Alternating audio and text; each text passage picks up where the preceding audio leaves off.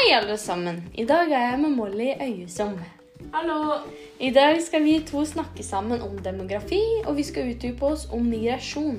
For hva er egentlig demografi, og hvordan går migrasjon under dette? Molly, vet du egentlig hva demografi er? Ja, altså, jeg tror at demografi er befolkningslære og befolkningsbeskrivelse av hvordan størrelsen av befolkningen på jorda er, og hvor mye den har vokst de siste årene. Kjønnsfordeling og geografiske fordelinger blant forandring av naturen grunnet befolkningsvekst. Ja, det stemmer. Men det er jo så mye annet som også går under demografi, bl.a. fødselsrate og dødsrate. Fødselsrate defineres som levefødte i et år per tusen av middelsfolkmengden. I mesteparten av Europa, bortsett fra Jugoslavia, Albania og det europeiske Tyskland, er fødselsraten lav. Det er få som har over 1,2 barn per fruktbare kvinne. Og dødsfødselsrate ja, det defineres jo som da antall døde per 1000 innbyggere i løpet av et år. Mm. Eh, og sånn som naturlig tilvekst er antall fødte per 1000 innbygger minus antall døde per 1000 innbygger. Men at et land har negativ naturlig tilvekst, betyr at det blir født færre barn enn det dør mennesker på et år. For det er noe som heter spedbarnsdødelighet. Det handler om hvor mange antall barn som dør i løpet av det første leveåret. Mm. Samlet fruktbarhetstall er et mål for hvor mange barn kvinner i en befolkning i snitt vil føde dersom det gjeldende fruktbarhetsmønsteret varer ved. Dette er ett av flere mål på fruktbarhet i en befolkning.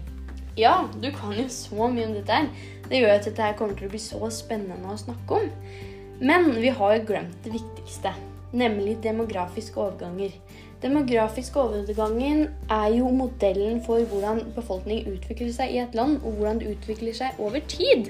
Mm. Dette ser man ved, at fødselsrate, ved å måle da, altså fødselsrate, dødsrate, innvandring og utvandring. Og Da er det også mulig å lage en modell for hvordan befolkningen vil se ut i fremtiden. Ja, det er sant. Det glemte vi jo helt. Uh, og når du snakker om innvandring og utvandring, så begynner jeg å assosiere om uh, migrasjon. Ja, det begynner jeg også å assosiere om. For migrasjon, også kalt folkevandring, har eksistert i over tusenvis av år. Men nå som verden er mer globalisert, øker migrasjonen mer. Globalisering er et uttrykk som oftest brukes om økonomi, politiske, materielle og kultur kulturelle forflytninger, kontakter og påvirkninger som i moderne tid skjer i verdens omspennende målestokk. World Migration Report 2020 regnet ut at det var rundt 272 millioner internasjonale migranter i verden. Og dette utgjør jo hele 3,5% av verdens befolkning. Det er mye.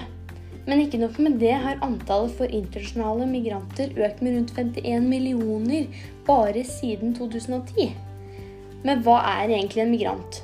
En migrant er en person som har oppholdt seg utenfor hjemlandet sitt i mer enn ett år, uavhengig av årsak.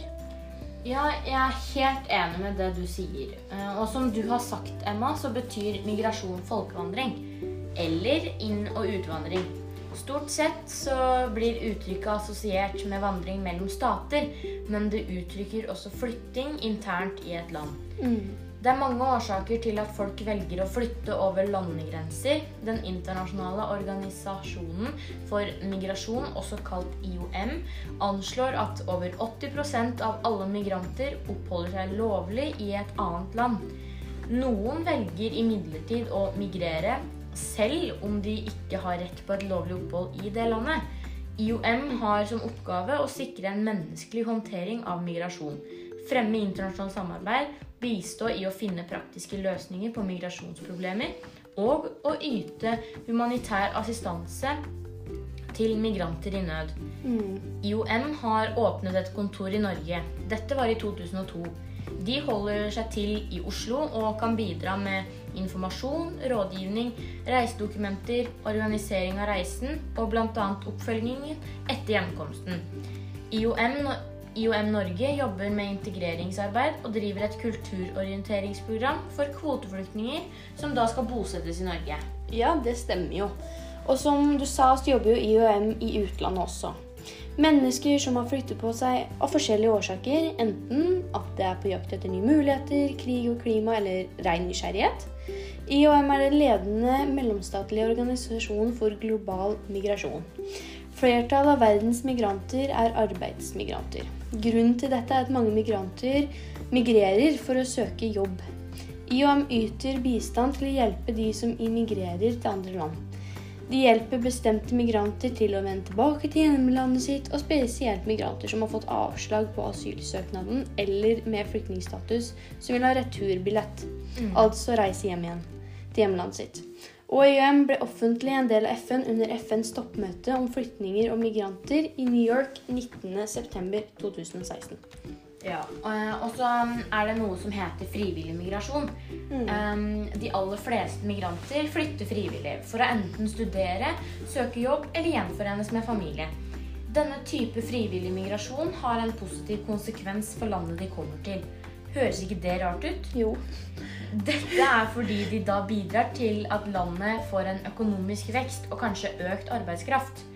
Frivillig migrasjon har også en klar sammenheng mellom utvikling for pengene som migranter sender hjem til sine slektninger i sitt opprinnelsesland, utgjør tre ganger mer enn all bistand til sammen. Samt kan migrantenes arbeidserfaring og økt kunnskapsnivå ha en positiv utviklingseffekt dersom de velger å returnere hjem til hjemlandet. Men det er også en negativ side med at migrasjon øker arbeidskraft.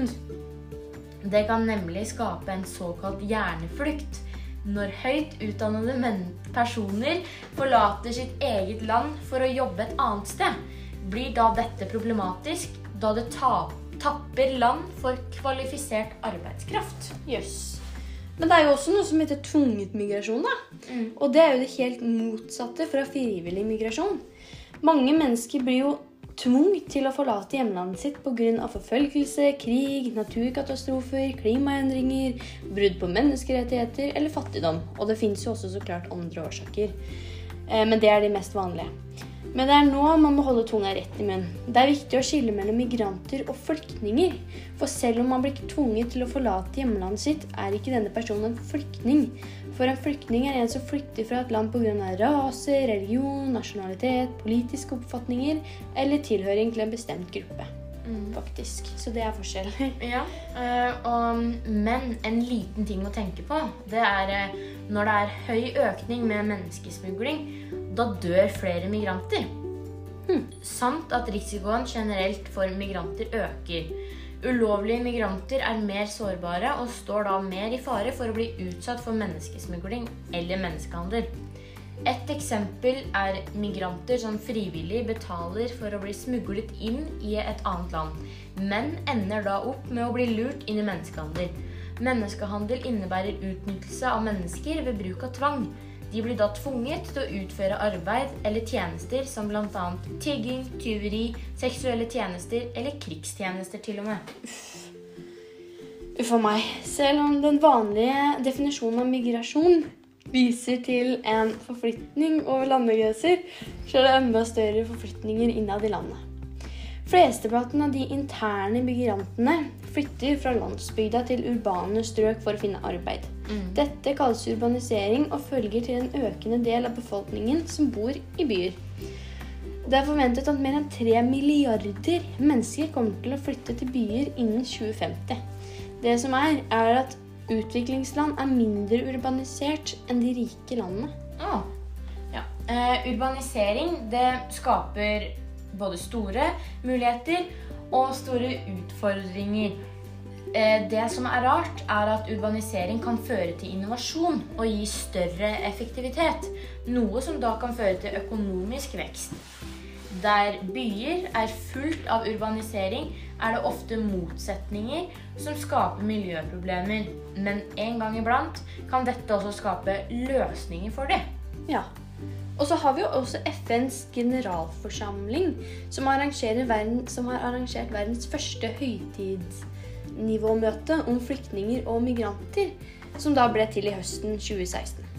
Og i 2018 ble et ikke-bindende globalt dokument om migrasjon signert i Marrakech og Marokko. Dette dokumentet skal samle prinsipper, rettigheter, forpliktelser som følger menneskerettigheten, slik at slik at trygg og ordnet migrasjon blir til. Ja. Um, altså FN sine bærekraftsmål har flere delmål som omhandler migranter. Mm. Uh, mål 10 tar opp dette med mindre ulikhet. Det som da tar opp spørsmål om migrasjon. Der står det at alle stater er forpliktet til å legge til rette for migrasjon i ordnede og trygge former. Og mål 8 skal sikre anstendig arbeid for innvandrere og skaffe tvangsarbeid og menneskehandel.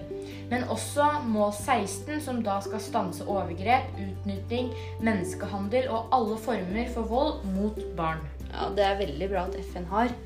Eh, og jeg tror egentlig vi har kommet inn på det meste om eh, migrasjon. Mm. Eh, Så jeg tenker egentlig at vi kan konkludere med at migrasjon og migranter har jo da foregått i lang tid, og at det ser ut til at dette kommer til å være et problem i noen år fremover. Derfor tenker jeg at vi som et felles sam eh, samfunn må stå imot dette her sammen, rett og slett. Ja, altså Jeg er helt enig med deg, Emma. Eh, og vi har kommet fram til veldig mye nyttig informasjon, og jeg tror veldig mange får nytte av det her. Absolutt. Um, og jeg hadde det veldig hyggelig, Uh, og takk for at jeg kunne være med i din podkast. Det var kjempehyggelig å ha deg med, så ja, tror jeg de fleste likte det her. her. Mm. Ja, ha det!